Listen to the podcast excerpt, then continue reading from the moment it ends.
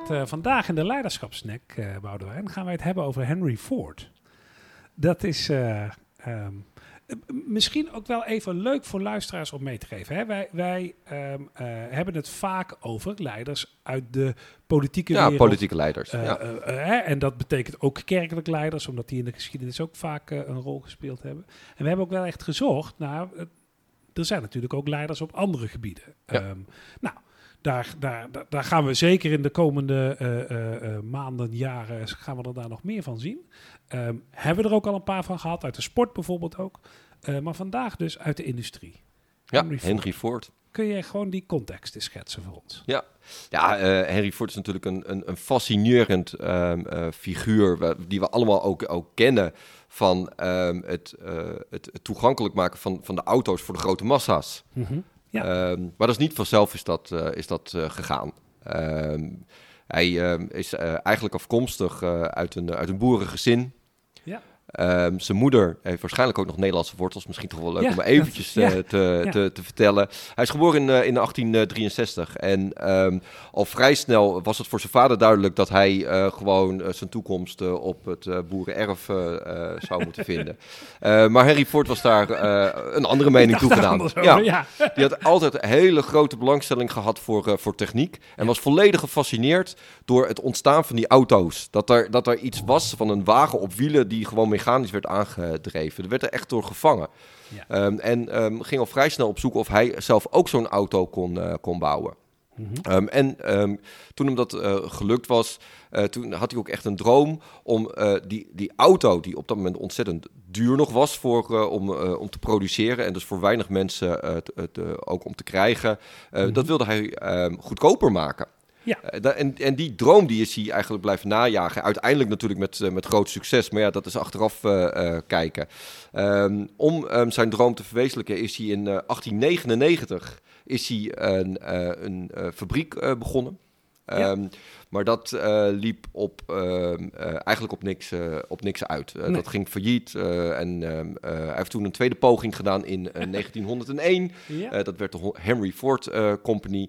Eh, maar daarvan zei op een gegeven moment zeiden de aandeelhouders van eh, dank voor je diensten, maar ehm, Ja. jouw droom strookt niet met datgene wat wij ehm, eh, willen. Want wij geloven er niet in dat je eh, van eh, de- die dure productiekosten iets lagers kan eh, maken en dat het voor iedereen toegankelijk is. Wij willen gewoon auto's verkopen, winst maken. Ja.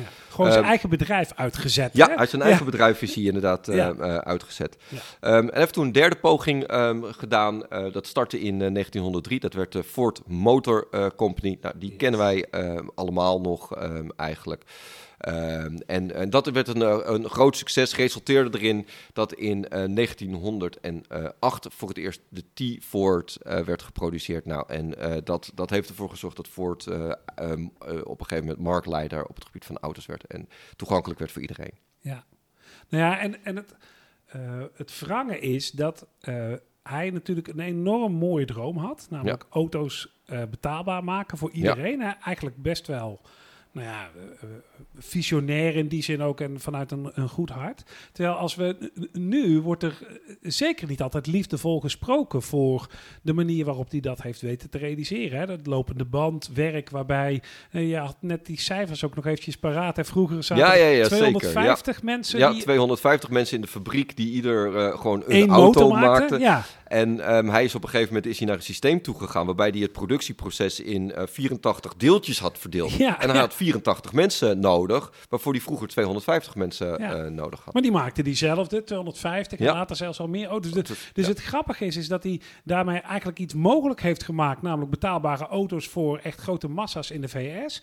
Eh, dat op een manier deed die op dat moment ook, ehm, het was niet uniek, hè? de lopende Nee. band heeft hij niet bedacht, maar heeft Nee. hij wel Heeft hij afgekeken van een abattoir in eh, Ja, precies. Nou, we komen misschien straks bij de wijze les ook nog echt wel eventjes op terug. Hè? Maar ehm, eh, eh, ehm, eh, nu wordt er toch vaak hè, dat, dat specialiseren, ehm, eh, het maken van één man die één auto maakt, heeft ook wel iets romantisch. Hè? En dat, Ja. dat, dat zeg maar alleen.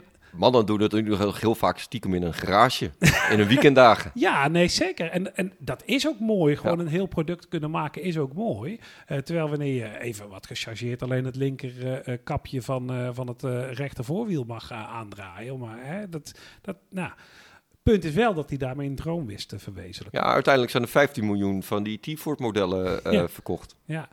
En uiteindelijk ook in andere kleuren dan zwart. Zeker. Dat is natuurlijk ook zo'n bekende uitspraak. Hè? Je mag alle kleuren kiezen als maar zwart is. Nee, maar die uitdaging, want die is wel, Ja. die is wel mooi. Hè? Want eh, de uitdaging die jij dus eigenlijk had, is... eh had een paar keer tegenslagen gehad. En had dus eh, eigenlijk in die zin...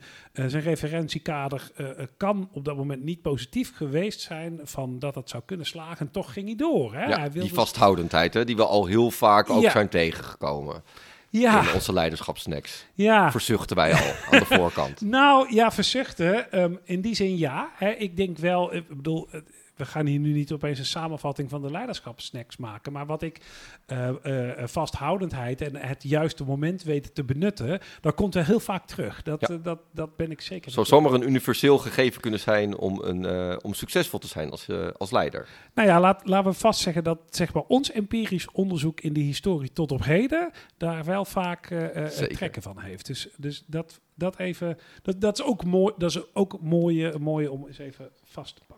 Maar, ehm, kijk, hij had dus die droom. Ik wil gewoon goedkope massa's voor, eh, eh, eh, goedkope auto's voor de massa wil ik maken. Ehm, eh, eh, had het lastig omdat het al twee keer was mislukt. Dus hij stond wel voor de uitdaging om nu een methode te vinden waardoor het wel kon. En ik denk dat er daar een paar zijn die we gewoon even samen ook wat moeten benoemen. Het eerste, denk ik, is dat hij echt juist de mensen om zich heen verzameld heeft. Eh, mensen naar die, waarnaar die ook wilde luisteren. Dat wilde hij zeker niet naar iedereen. Eh, maar naar deze mensen wel. Ehm, hij, hij, hij betaalde die mensen ook goed. Ehm, in die zin was hij misschien ook wel een beetje een eigen tijdse Steve Jobs. Hè? Ik zei dat ook nog in de voorbespreking Ja. tegen jou.